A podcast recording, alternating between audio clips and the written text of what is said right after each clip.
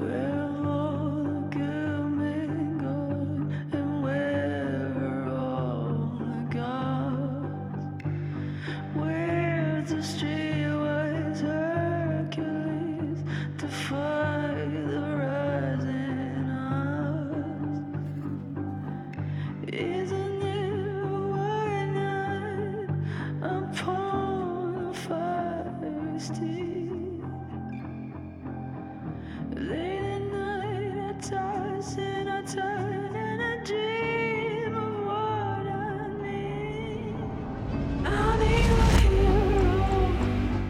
hangir með báðar hendur á ringnum og snýr bakinu í korfuna. Nokkrum sekundum áður hafði hann skorað með laglegu stökkskoti frá vítategshorninu. Hrein karfa, snert ekki ringin, splass. Og í stað þess að bakka í vörn hljópa hann bara áfram, stál boltanum strax og tróðunum ofin í korfuna, aftur á bakk. Áhörundur í Coalfield House höllinni Mariland ærast. Þegar hann sleppir ringnum er eins og tíminn standi í stað, hann líður allavega hægar. Á leiðinni niður breyðir hann út faðminn og opnar lofana. Umsögalaust fekk þessi tróðsla viðurnefnið Jésu tróðslan. Það var árið 1984 sem leið Maryland og North Carolina öttu kapp í bandaríska háskólaboltanum. Í liði North Carolina var Michael nokkur Jordan, en hann var engin Michael Jordan þetta kvöld. Len Bias í liði Maryland var Michael Jordan þetta kvöld. Len Bias var bestur þetta kvöld. Það var Len Bias sem steig niður til jarðar eins og Jésu. Ekki í fyrsta skipti en í eitt af þeim síðustu. Kanski hefur þú aldrei heyrt um Len Bias, kæri hlustandi, en þú er oft heyrt um Michael Jordan sem er óumdelanlega sá besti sem hefur nokkuð tíman spilað korubólta. En Len Bias var vist líka alveg djúvöldi góður, svo góður að hann let Michael Jordan líta illa út, svo góður að menn spáðu því að hann er því betri leikmaður en sjálfur Jordan. Svo góður að Boston Celtics öldu hann sem annan valrétt í nýliðavali NBA-deildarinnar á þjóðhóttjardegi Íslendinga 17. júni árið 1986. En á kvennafrídeginum, tveimur dögum síðar, var Len Bias ekki lengur til. Hann var settur ofan í kistu og ofan í jörðina. Aldrei framar hjælt hann á körubólta, aldrei framar skildi hann stíga niður til jarðar eins og Kristur, aldrei framar skildi hann skikja á Michael Jordan. Og Len Bias dó en minningin lifir. Og ekki bara minningin heldur líka hugmyndir um Len Bias, hugmyndum þetta hvað ef, hvað ef, hvað ef, um einhvern sem hefði geta kveikt í okkur bál og glatt okkur svo miklu meira en hann gerði, um einhverja skáldsögu sem var aldrei skrifuð en hefði fært höfundi sínum Nobelsvellunin og hún hefði alveg bókað gerta í hugum okkar, er það ekki annars? Ég veit það ekki. Þegar fólk deyri blóma lífsins eru það kannski eðlileg viðbröð okkar sem eftir lifað geta í eðurnar. Hvað ætli hún hefði eignast mörg börn í framtíðinni? Hvað ætli hún hefði gert? Hvað ætli hún hefði tekið sér fyrir hendur og svo framvegis? Ætli hún hefði kipt sér íbúð í lauganessinu eða breyðholtinu? Ætli hún hefði orðið heilaskurlagnir eða leikona? En við höfum enga áþreifanlega tryggingu fyrir því að hún hefði gert neitt af þessu. Og þegar íþróttamenn deyja, förum við að geta í þess reyður líka. Kanski af því að við teljum að þeir tilheyri okkur á einhvern nátt. Og við eigum eitthvað í þeim. Við veltum því fyrir okkur hvernig íþróttamaður hann eða hún hefði orðið. Hversu langt þau hefði náð og líklega náð þau alltaf ansið langt í höstnum á okkur. Þegar Len Bias var tíu fetum fyrir ofan í jörðina og sveif niður til jarðar í slow motion með útbreyta handleggi og opna lofa var eins og hann kæmi af himnum ofan. Þannig lýsir bladamæðurinn Scoop Johnson Jésu tróðslinni frægu. Hann heldur áfram og segir það var líkt og hann hefði stíið niður til jarðar af himnum ofan, einhver staðar fyrir ofan ringin. Það tók kannski eina sekundu fyrir hann að lenda en það augnablík leið sem eilífðin heil. Þetta gerist hægar en í hægri endursýningu. Það var líkt og bæjas væri að láta heiminn vita hver örlög hans væru. Já, kjæri hlustandi, var Len Bias betri en Michael Jordan? Hefði hann orðið betri? Við vitum það ekki. Þótt líklegasta svarið sé einfallega nei. En við viljum samt trúa því og eigum þá til að gleima því í eigingitn okkar og sjálfkverfi að um leið og íþróttamaður deyr, þá deyr manneskja líka.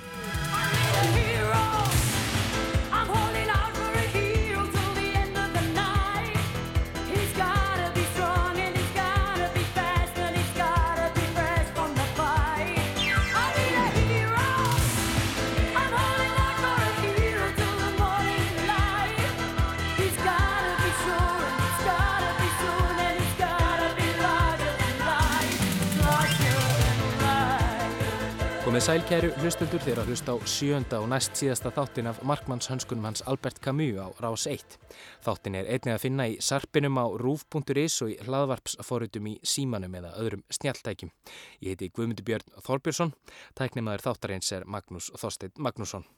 Nú líður á lokum þessarar þáttaraðar og því kannski ekki úr vegi að velta eilítið vöngum yfir endalokunum, sjálfum dauðanum og að sjálfsögðu í tengslum við íþróttir og íþróttamannin. Í þættinum í dag verður meðlans rætt við Loga Gunnarsson, landslismann í Körubálta, um vinhans Örleg Sturluson sem var líka landslismæður í Körubálta. Loga sem lifir um Örleg sem dó. Sko hann var rosalega bráðþróska þú veist, hann var bara vaksin eins og þrítug kallmaður þegar hann var 16, 16 ára þú veist, hann var bara gen í honum eru bara eh, þannig að, þú veist, frá þessari ætt, pappan svo rosalega sterklega byggðu. Og við spjöldum við Íþróttasálfræðingin Hafrúnu Kristjánsdóttur um geðheilsu Íþróttamanna sem eins og dæmin sína hefur dreyið þá ofan í gröfina. Þegar við sjáum ykkur sem eru mjög líkamlega hraustir að þá hefur við tilneying til þess að halda þessi andlega hraustir líka við sittum sama sem merkið á milli bara heilbri sál í hraustum líkama. Bítun og hægur kantu að segja við sjálfmaði kæri hlustandi og spyrja ber dauðin sig eitthvað öðruvísi að þegar að brottur hans stingur íþróttamann eða þegar hann herjar á aldraða frængu. Nei, í sjálfu sér ekki, en það er þó ímislegt við dauða íþróttamannsins sem gæti skerpt sín okkar á íþróttamannin sjálfan, hvaða hugmyndir við gerum um hann og hvaða væntingar við höfum til hans. Og dauði þeirra kann að ofinbara okkur stærri sannleika um okkur sjálf. Og rétt eins og annað fólk þá deyja íþróttamenn á margvíslegan hátt og af ólíkum ástæðum. Þeir verða veikir, þeir stitta sér aldur, þeir lendir slísum, þeir taka of stóran skamt. Í þættinum í dag ræðum við um dauðan og íþróttamenn frá ýmsum sjónarhörnum, förum fram og tilbaka. Minnum þess að hér fáum við liklega enga niðurstöðu, ekki frekar en fyrir daginn. Og enda er dauðin stærsta ráðgáta lífsins og hún verður ekki leist í ömum útvarstætti í ríkisútvarpinu. En svo getur líka verið að eiginlegur dauði íþróttamannsins sé einhverju öðru heldur en dauða inni á vellinu.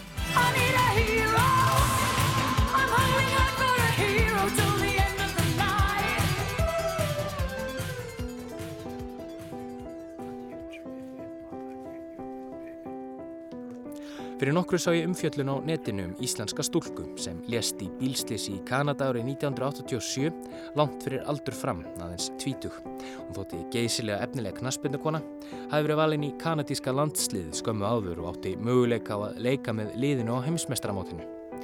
Nýlega ákvaðu skólaefurvöld í háskólanum hvar hún nam og spilaði að leggja treyjunúmerið hennar til hliðar eins og týðkast gerðnan í norður amerískum íþróttum.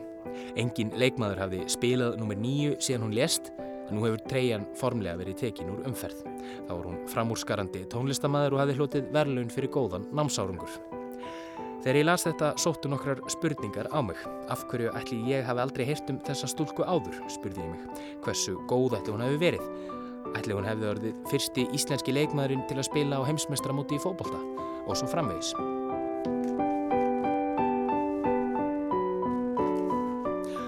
Af hverju fangar þessi sorgar saga aðtikli fjölmiðla? Fólk er jú alltaf allstaðar að deyja, hæfileika fólk sem á hæfileika lausir. Jú, líklega er það vegna þess að fráfall hennar vekur áhuga og þykir því fréttnæmt. Og yfir og allt um kring er svo staðrend að hún hafi verið svo góð í fókbalta og átt framtíðina fyrir sér. En ef hún hefði ekki verið svona góð í fókbalta, hefði ég þá nokkuð tíman fengið að heyra söguna um Gunnhildi Gilvadóttur sem dó í hörmulegu bilslýsjárið 1987. Ég veit satt að segja ekki svarið þessu, en með grunar að sagan af Gunnhildi og svo staðrend að hún hefur borist mér til eirna skjóti rótum myndir þá kenningu að ef þú ert íþróttamaður og dyrð vil ég annað fólk heyra um það. Það ítir á einhverja takka í fólki umfram þá óumflingalegu staðrend að íþróttamaður sem dó var líka manneskja og gett öðrum gáfum sem auðguðu líf annar.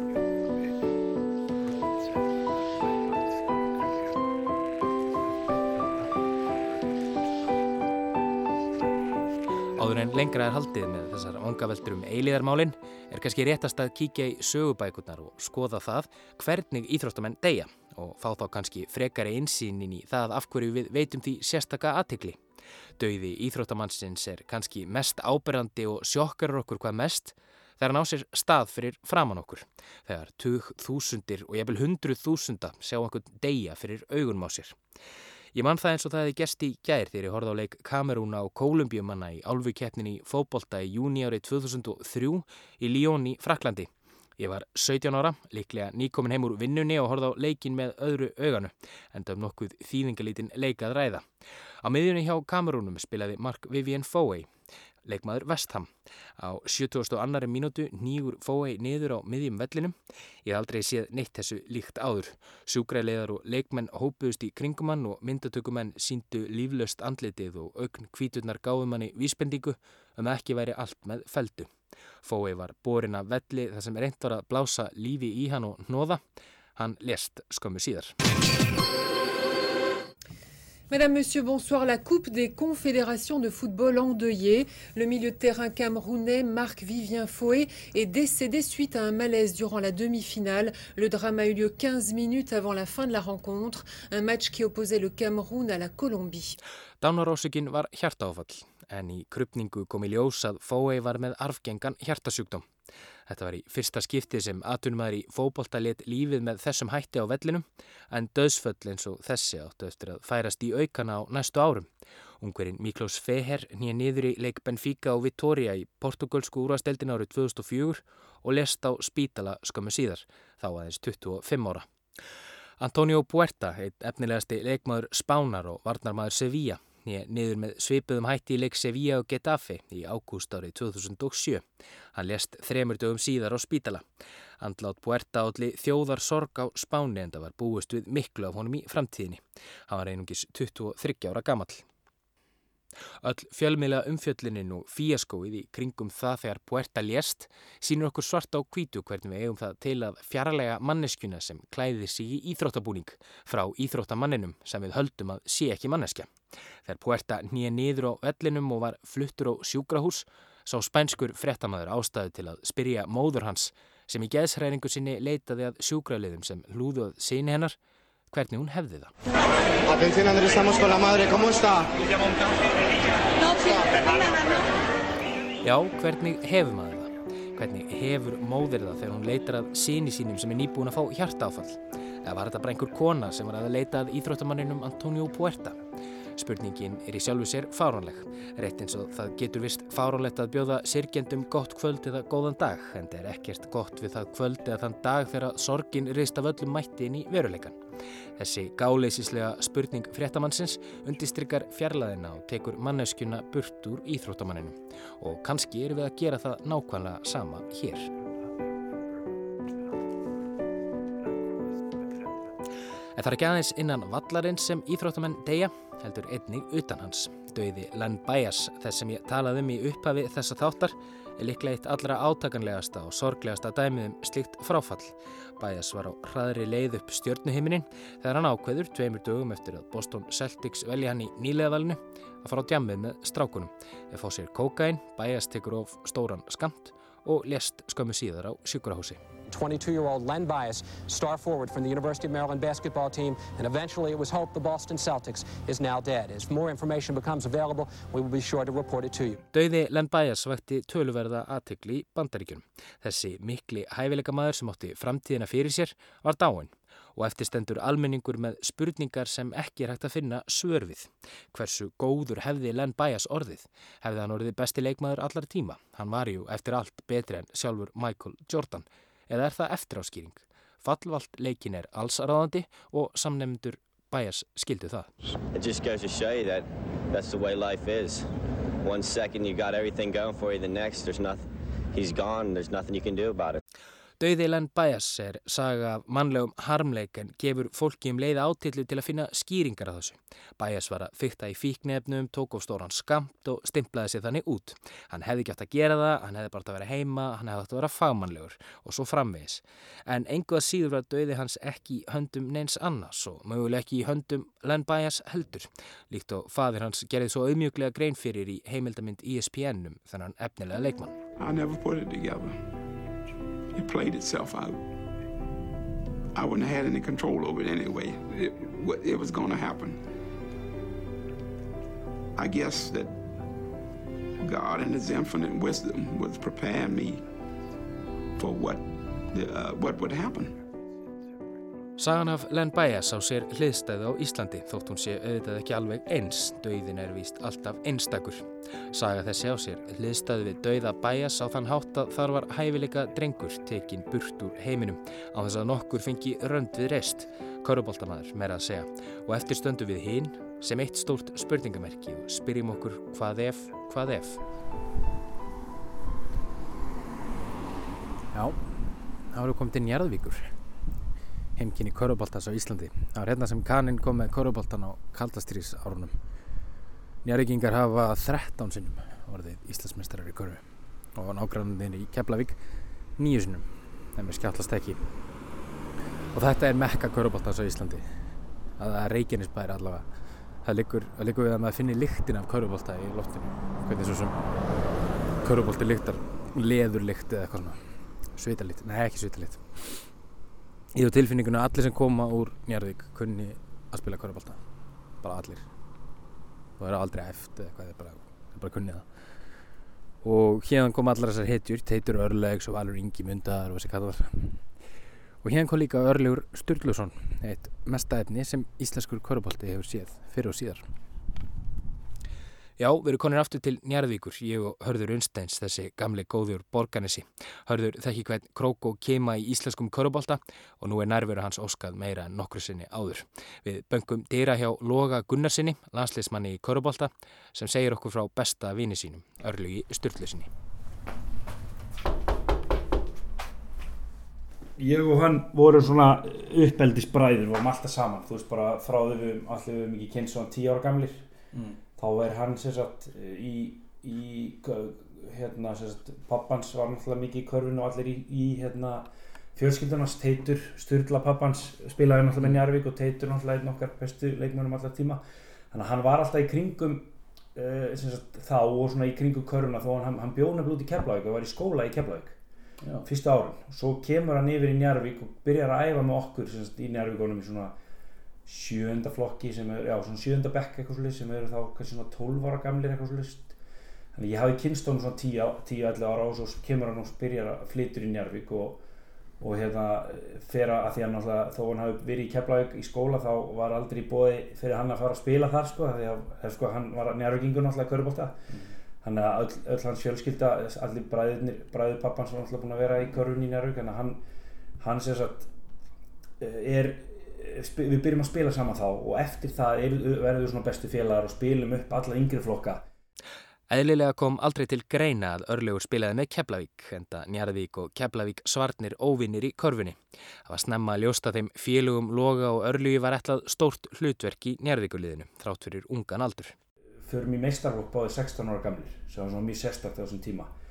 Tímabili 97 og 98 þá er, er við að svona, þá er, er okkur hend út í djúbulauðina svona mjög sjálfgeft að við nýkominu grunnskóla að við, við erum farin að spila hellingsmínútur uh, þetta fyrsta ár sem er mjög sjálfgeft og við sagt, við endum á því að verða sagt, við erum svona kannski spáð sjötta, sjönda sætinum hann í þetta ár sko. Og við verðum Íslandsmestrar uh, þetta ár. Og þar sem við erum báðir spilum mikið og í rauninni fyrir áramót er ég svona meira að spila svo einhvern veginn springur hann út manni eftir áramót sem hann er orðin þá og hann er færður inn í aða leikstjórnandar hlutverkið hjá liði sem á séns að vera meistarar sem er mjög sjálfgeft að 16 ára gutti sé leikstjórnandi í liði og stjórna refum þú veist eins og bara Teiti Örlíks sem var nýkominn frá Gríklandi sem var einn besta, ein besta körpölda eh, hérna, deildi í, í heiminum á þeim tíma. Og Örlíkur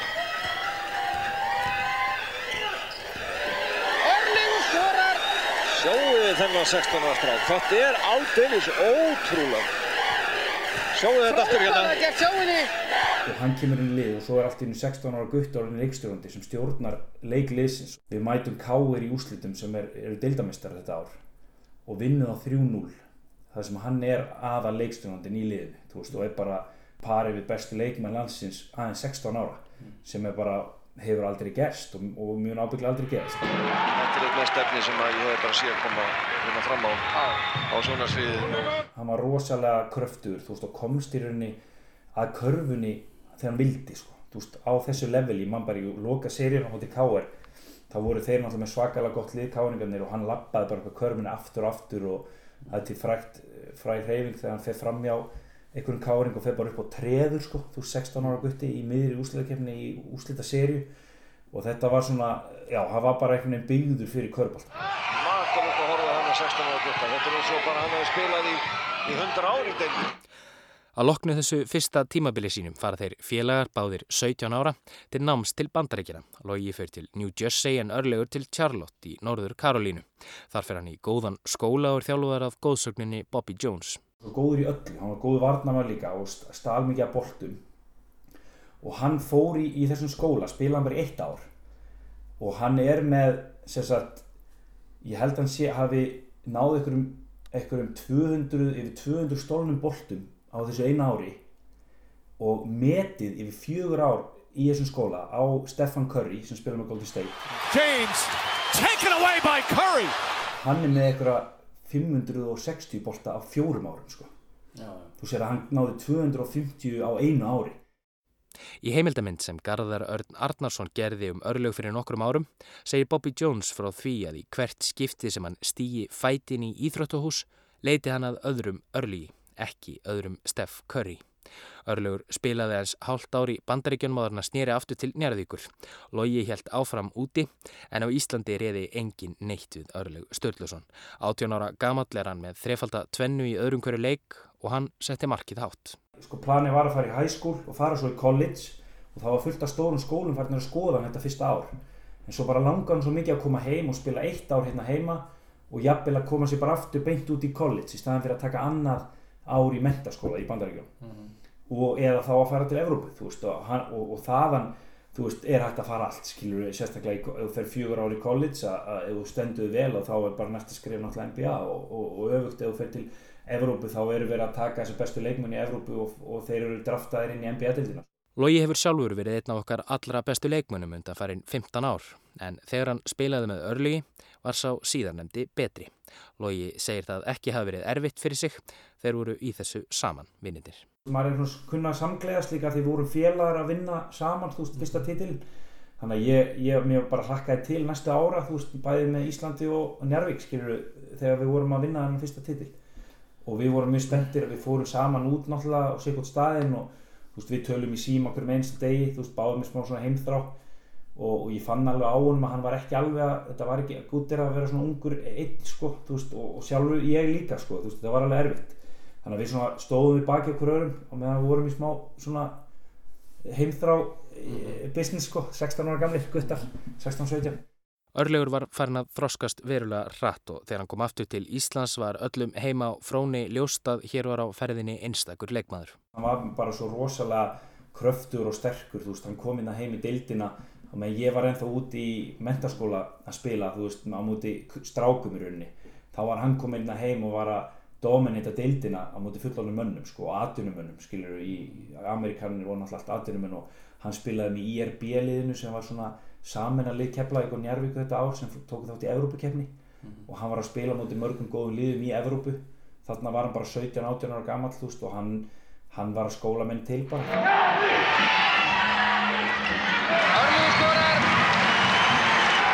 Og, og, og náttúrulega Njarvík var á- í toppsætinu um áramótin án útlendings þetta árið. Svo deyra hann í janúar. Djafaf 18. janúar árið 2000. Ungur maður fannst látin á botni sundlögar í Njarðvík á 5. tímanum í germorgun. Ekkert vatn var í lauginni. Lóðurglæn í Keflavík tellir að um slisa við verið að ræða en rannsókn stendur yfir á láti hans. Vitað var um ferðir mannsins framundir morgun sunnudags en þegar líða tók á daginn var leitað honum hafinn. Liðsmenn Björgunarsveita aðstóðuðu við leitina. Hinn látni hétt Örlygur Sturluson og var 18 ára gamall. Var hann talinn einn efnilegasti korfuboltamaður landsins en hann var leikmaður úrvalsteltarliðs Njarðvíkur. Logi hefði komið heim í stutt jólafrí en fór út aftur í byrjun árs 2000. Hann var nýkomin út þegar hann fekk símtalið sem hann gleymir aldrei. Þetta er á mánudagsmotni í bandaríkjum sem er hringt í mig þá áður en fyrir skólan. Ég man að klukkan var 8 morgun hjá mér, eh, hálf 8 og þá hefur komið hátegi hérna heima. Og hann finnst þarna þessa nótt, aðfarnótt, þess að sunnudagsnóttina, aðfarnótt mánudags, Mm. svona kvöldi til eftir minnati. þannig að það er pappi beið, mann hann beið eftir að ég var vaknaður skilur og komin að fætur svo ringir hann í háttegin og lætum við vita þessu Vissur það að það verið að leita á hann? Nei, ég vissi ekki neitt This bloody hill Ég mann ég fór svona neyg niður bara í jörðina sko og skildi ekki alveg hvað hann var að tala um sko Mm. þú veist, eins og ég sagði á hann þá voru við mjög nánir hann var svona ein, bara einn best hann var, sett ég átti marga vini en hann var svona besti vinnu minn sem ég var alltaf einhvern veginn í sambandi við, alltaf. Það var rosa erfitt. Ég, ég hérna maður var ekki sjokki bara fyrstu daginu ég manni, manni svona já neyg niður bara og, og maður átti þessu á þessu hvað þetta var. En svo ke, ke, kemur maður heim og það var svolítið svona skrítið fyrir mig að ég var svolítið svona eftir á öllum sko, ég kem þarna eftir einhver dögum setna heim og þá voru allir svona búnir að átta sér smá á þessu hvað gerðist og þá fekk ég svona, svona alltaf svona smá eftir sjokk sko, þú veist, að koma heim og, og þá einhvern veginn segja það meir inn sko.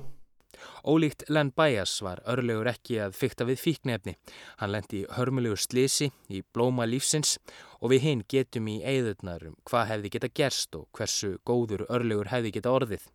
Það stuttamilli feiks og ófeiks og besti vinur hans logi er ekki nokkrum vafaðum að svo saga sem örlegur fekk aldrei tækifæri til þess að skrifa hefði orðið eins og stærsta í íslenskri íþróttasögu. Já, ég held það.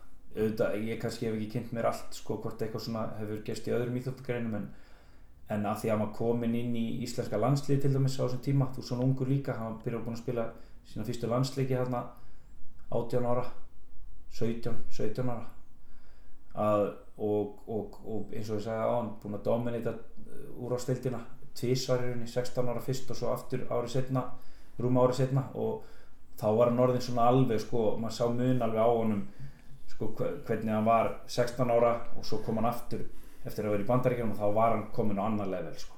þannig að jú, ég myndi telja að þetta væri svona hvað er mest stærsta í, Íþróttasögunni He shed his scales to find the snake within Fram að þessu höfum við rætt um svipliðan dauða íþróttamannsins inni á vellinum eða utan hans, eitthvað sem gerist bara sig svona, ja, snögglega og þeir þeittust um grænar grundir eða rennislétt parkettið á blómaskeiði lífsins. Og eins og við hefum heyrt eru fyrir því ymsar ástæður, slís, óhöpp, sjúkdómar, tilviljanir og mannlegur harmleikur, eins og hjá okkur hinum. Len Bæjas og örlög hans minn okkur þá líka á annað atriði sem rætt hefur verið um í þessum þáttum að íþróttamenn hafa sína djöfla að draga líkt og annað fólk og það getur eins og dæmin sína og sanna leitt til dauða, leitt til sjálfsvíga. Rannsóknir hafa sínt að íþróttamenn eru ekki með betra geðheilbrið en við hinn, öfut við það sem við kannski heldum, heilbrið, sáli, hraustum líkama og allt það.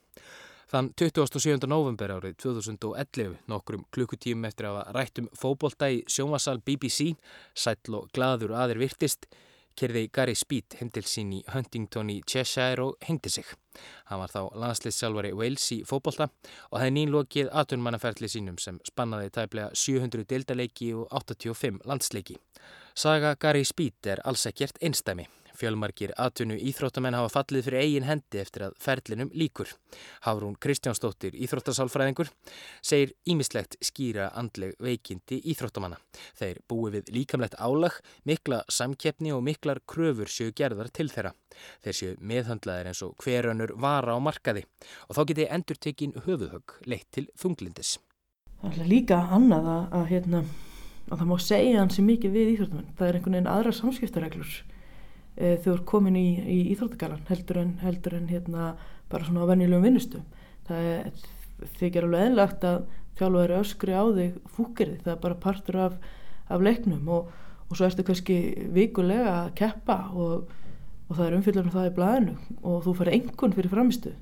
Vennilegt fólk ætti mjög erfitt með að slikt væri gert uh, eins og viku í, á, á, á vinnustannu þar sem að, að þetta var mjög slæm uh, vika hjá þér á skrifstofunni, þú far þrjá af tíu mögulegum uh, og það er bara í blöðunum og allir geta lesið það.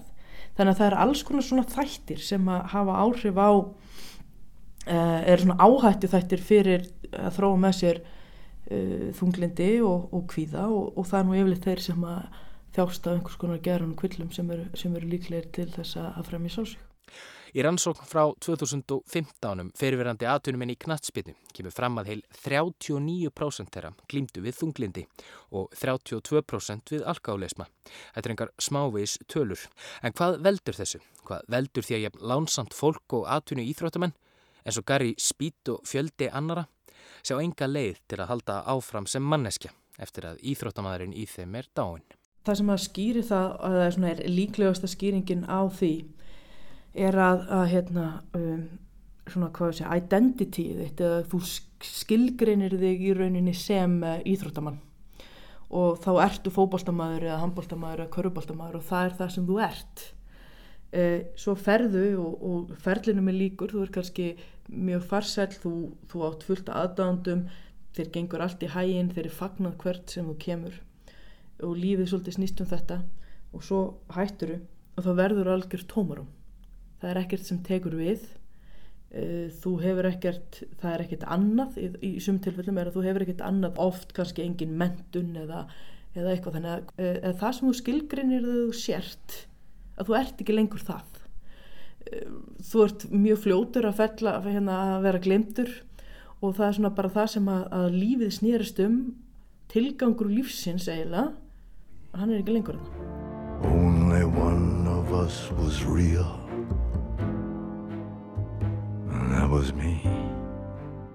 Þetta snýst eiginlega svolítið um það hvort að íþróttamæðurinn hafi e, einhverju að að hverfa eftir að ferlinum líkur þess vegna er lögð tölvert mikil áhersla á það innan íþjóttasálfræðinar e, og líka bara hjá allþví olimpíunemdini og, og, og fleiri stöðum að, að íþróttamæðurinn hafi einhvers konar svona hliðar karriér hann fari í eitthvað nám hann hafi einhver önnur áhugamál hann sé að vinna að einhverju öðru e, samhliða íþróttaferlinu sínum þannig að, að þegar að hann þessum íþróttaferli líkur að þá er ekki bara eitthvað svona gap. Það er að segja það sem ekkert tekur við. Og tilgangun það sem að þú hefði lifað fyrir er ekki lengur. Já, ég veit það ekki. Gary Speed var svo sannlega með margt í gangi. Hann var landslýsalari Wales og liðinu gekk vel en við getum vist heldur ekki alltaf búist við því að vísindin útskýri mannlegt eðli eða hvernig okkur líður eða af hverju við gerum það sem við gerum Mér finnst frestandi að velta því fyrir mér hvort Speed hafi í rauninni þrátt fyrir að hafa verið farsæl dáið um leið og ferlinum laug. Hann var íþróttamæður fyrst og fremst. Hann lifið sem slíkur og hann vildi ekki lifa án þess að vera íþróttamæður. Við, fólki sem horfum á íþróttamennina í sjónvarpinu, höfum tilneingu til þess að setja íþróttamennum på stall. Og það er oft svona litið að þeir séu bara halv ónæmir fyrir vandamálum. Þeir séu þeir séu svo, hérna, þeir séu svo andlega sterkir og þeir séu svo líkamlega sterkir. Þannig að þetta fólk og fyrir utan þú veist ef þeir eru ná að vinna allt saman og svona að þá setjum við upp á stall. Þetta fólk getur ekki átt við vandamál að stríða Og kannski mitt þess vegna veikur það sérstakka eftirtekt hjá okkur þegar fyrrum íþróttamenn svifta sér lífi og annars konar eftirtekt en þegar þeir deyja á blómaskeiði ferilsins vegna þess að þarna á sér stað dauði sem er ekki áþreifanlegur, dauði íþróttamannsins en ekki manneskunar. Gary Speed dó líklega þegar hann hætti að spila. Þú deyrð sem íþróttamæður, reynir að lifa áfram sem manneskja og það líf er erfiðara en við höldum. Þá hafa, eða eru íþróttamenn uh, líkleri heldur en, heldur en aðrir að forðast að sína veikleika og þeir eru líkleri til þess að, að forðast að leita bara aðstór. Þeir eru ólíkleri en aðrir til þess að leita aðstór. Þegar svona kemur þetta svona, um, þetta kemur rosa lítið upp á, á yfirborð, ólíkt kannski hólíðleikarum sem eru reglulega að segja frá því að þeir séu í einhvers konar meðferð og, hitt og þetta. Ég veit ekki enn hvað mér á að finnast. Í dag höfum við farið fram og tilbaka og skoða dauða íþróttamannsins frá ímsum sjónarhornum. Þeir deyja sem manneskjur bæðin á vellinum og utan hans, en svo deyir íþróttamannin líka utan vallarins eftir að ferlinum líkur. Og þá er hætta af að manneskjan deyji í kjölfarið. En eftir setur svo spurning af hverju kipust við við í sætinu þegar íþróttamenn deyja. Ég er einhver leiti sammála hafrúnum að það sé vegna þess að við teljum íþróttamenn ósýrandi en kannski er það líka vegna þess að við búum til sögur í haustum á okkur, sögur sem við lifum í gegnum. Ég held að sé nú svona eðlilegt að, að það sé spáði í þessum hlutum því sérstaklega ef þeir eru á mjög hái stíi og eru mjög góðir þá er eðlilegt að hugsa þú veist og bera það saman við aðra leikmenn sem náður látt og, og hvernig þeir voru á þessum aldri þú veist og mjög, ég held að sé svona já, freka bara já, sangjörn umfjöllum þú veist og, og mjög vart líka að, að, að, að búa til eitthvað svona já, eins og heimildamindir eða heimildafætti um þessa leikmenn sem, sem til dæmis degja ungir og ná ekki að toppa. Þú veist því að unga kynnslóðin að mínum að þið þarf að fá að vita um þessa stráka og leikmenn, stelpur og, og, og þú veist íþróttamenn sem lenda degja ungir. Diggir hlustendur muna kannski eftir orðum Ólafs Stefánssonar úr fyrsta þætti þessarar þáttaraðar þegar hann sagði að íþróttamæðurinn sé byrtingamind einhvers stærra í okkur sjálfum, rött hjartans, eitthvað nútíma ævintýri, brúarsmiðir millir okkar og ævintýra heimsins. Og þegar þeir eru teknir frá okkur þurfum við sjálfa að skrifa ævintýrið í höstnum á okkur því ímyndunaraflið er það eina sem eftir stendur. Hefði Len Bias orðið betri en Michael Jordan, hefði Gunnildur Sif spilað á heimsmestaramótinu, hefði Örlegu Sturluson spilað í NBA. Já, ég held að það er alveg raunhæft, þú veist, af því að við sáum síðan setna mér Jón Arnór vera valinni í dildina, þú veist, þegar hann var orðin 20 ára, 21, 20, já, þú veist, þá getum alveg séð að hann hefði alveg, þú veist, líka getað, við stefndum allir á þetta náttúrulega, allir sem guttar og, og þú veist, það er alveg eins möguleiki fyrir okkur Íslandika að gera þetta eins og strákan út í Ameríku eða út í Evrópu, þú veist, og, og hann hafi líka spurðin á styrkinn til þess að fara mjög hátt og, og þá er alveg, alveg eins möguleiki að því að hann hafi verið annarkort í, í Euroleague sem er besta deilt í Evrópu eða þá í, að hefur verið komist inn, semst, eitthvað inn í NBA-deildina. Ég held reyndar að Lógi Gunnarsson hafi rétt fyrir sér og að minningin um Örlug Sturluson sé ekki bara einhver brúarsmýð millir mín og ævintýra heimsins. Við sínast allar vísbendingar leiðamann þangað. Örlugur hefði að öllum líkindum náð alla leið og Lógi er þess handið sem að hans eigin ferill væri öðruvísi fyrir vikið ef Örlugur vinnur hans hefði fengið að stjórna öllu og öllum inni á vellinum. Ég gerir þá því að hann, við vorum svona kombo, þú veist, hann var leiksturundi og ég var skotmaður, þú veist, á kantinum þannig að ég hugsa oft, þú veist öll þessi ár sem eftir ég er búin að vera heima núna í fjögur ár eftir úrástild, neða eftir átunumennsku að við höfum verið að klára ferðlan okkar saman í Njarvík, þú veist og, og þú veist, við erum núna búin að vera mjög nálægt í að komast mjög langt síðustu ár í Njarvíkuliðinu, búin að vera í svakalum serjum á móti káir, þú veist, þá hugsa maður ofta ef við höfum verið báðir, sko mm. kannski væru við orðnir einhverju mestarar einhver ári röð eftir átunumennskuna En hvað er eitt korruboltamæður í samanbörði við mannesku? Hvað er einn leikstjórnandi við hliðin á síni, bróður og vini? Þegar öllur á botnin kvólt er það bara hugmyndin um íþróttamannin sem er tekin frá okkur, eigingjötnu grúpjónum, þegar þeir deyja. Við erum ofdegruð af hæfileikum þeirra og snilli, en manneskjan er tekin frá þeim sem stóðu þeim næst, þeim sem í rauninni skeitti engu um hvort þau getur dreiplað bolta eða skotið á mark. Og því kannski endur minningin ekki til einskins. Á einum stað segir danski heimsbyggingurinn Sören Kierkegaard að samband okkar í endurminningunni við hinn látna síni okkur hvernig við eigum að elska þau sem eftir lifa, hvað sé raunverulega þakkarvert og hvað skipti raunverulega máli. Og því hefði ekki aðeins ferill Loga Gunnarssonar orðið öðruvísi ef örlegur hefði fengið að lifa, heldur allt hans líf. Ég hugsa reyndar svolítið mikið líka um hitt sko að þegar maður verður eldri þá hugsa maður sko að ég væri með honum með krökkunum hans veist, hérna í að grilla skiluru og það er svolítið sem, sem ég hugsa kannski meira um núna þú veist að ég væri og svekki mann oft sko hann fekk ekki það sem ég er að fá núna. Þú veist að vera að eiga börn og, og vera hérna að sjá krakkana sína allast upp og, og gera það kannski saman í njárugónum skiluru að við værum, værum einmitt með krakkan okkar saman að leika þú veist það er svolítið sem ég hugsa um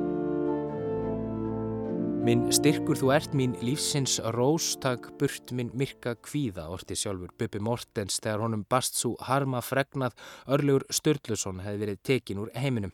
Sagan segir að það hefði verið á Reykjanesbreytinni í rikningunni, samstöndis, en þeir Bubi og Örlegur voru tengdir fjölskylduböndum. Lægið Kveðja hefur síðan þá verið sungið til þeirra sem skilja við allt of snemma.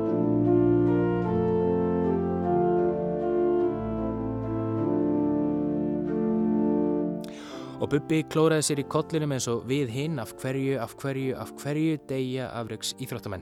Kanski mætti draga þá álíktun að íþróttamenn sem deyja hafi sannarlega fullkomna þá listað deyja, að þeir séu betri því en við hinn, rétt eins og inn á vellinum þar sem þeir voru fremstir meðal jafningja. Þeir losni frá oki heimsins og skilji okkur eftir með ímyndunarblið eitt að vopni, fangi forsýður bladana í síðasta skipti. Kanski hangir Len Bias því ennþá ringnum í Merland eins og Kristur á krossinum frosinn í minningunni og myndin af honum er skýrari en aldrei fyrr. Þar stendur hann í dýrðar ljómanum frosinnum alla eilífð á meðan Michael Jordan er búin að skilja við konuna sína og bæta á sig 20 kílóm. En það er ekki rétt. Dauði íþróttamanna er jafn óvelkomin og ósangjarn, ja præðilega sorglegur og átakalega eins og allara annara. Og að halda því fram að íþróttamaður gerir sig ódöðlegan með því að deyja á hátindi ferilsins er heimskulegt, ómannulegt og í bestafalli óviðegandi. Og þegar við heyrum af döða þeirra, hvernig sem á honum stendur, erum við liklega först í einhverju ídeali, einhverju hugmynd vegna þess að í gegnum íþróttamannin fáum við tækifæri til þess að vera í ævintýra heimi. Og í eigingirni okkar gleymum við því að þeir eru fyrst og fremst manneskjur, svo eru þeir íþróttamenn. Veriði svitadrópa og marbletta er víst ekki jafn mikið og veriði blóðdrópa og tára. Minn styrkur þú ert, mín lífsins rós, takk burt minn myrka kvíða. Um þetta haugsar Lógi Gunnarsson inni á vellinum í baslinu og svitanum, marblöttunum og látunum. Í endurminningunni um besta vinin sem er þarna ennþá, þóttan sé farin. Stundu bara á vítalínni miður leik, þú veist, fyrir tróðfullu húsi, sko. Þá er ég einn á línni og þá allt ín og bara kemur hann upp í hausin á mig, sko. Það hangir náttúrulega búningur upp í ráum í njárvíkonum með númurinnars og nafninnars ég, ég er svona að horfa oft í áttina þar í miðjum klíðum bara, miðjum leik sko, þegar maður er á fleiðferð þannig að þetta er svona, hann, hann, hann, hann er alltaf aðna ég er sem einnig í Íþróttuhúsi að skjóta þú veist, einnig á mótnana klukkan 6.30 þú veist og, og þá oft svona stoppa ég bara þú veist og horfa upp, upp, upp á búningina sko. Þannig að jú, það er ekki bara að maður hugsa hann að hann sé ekki starf hérna í kringum hann þegar maður er að spila. Kannski eitthvað skot sem hefði ekki farið honni hann pótæli móni Þar sem englarnir syngja, sefur þú, sefur í djúpinu væra.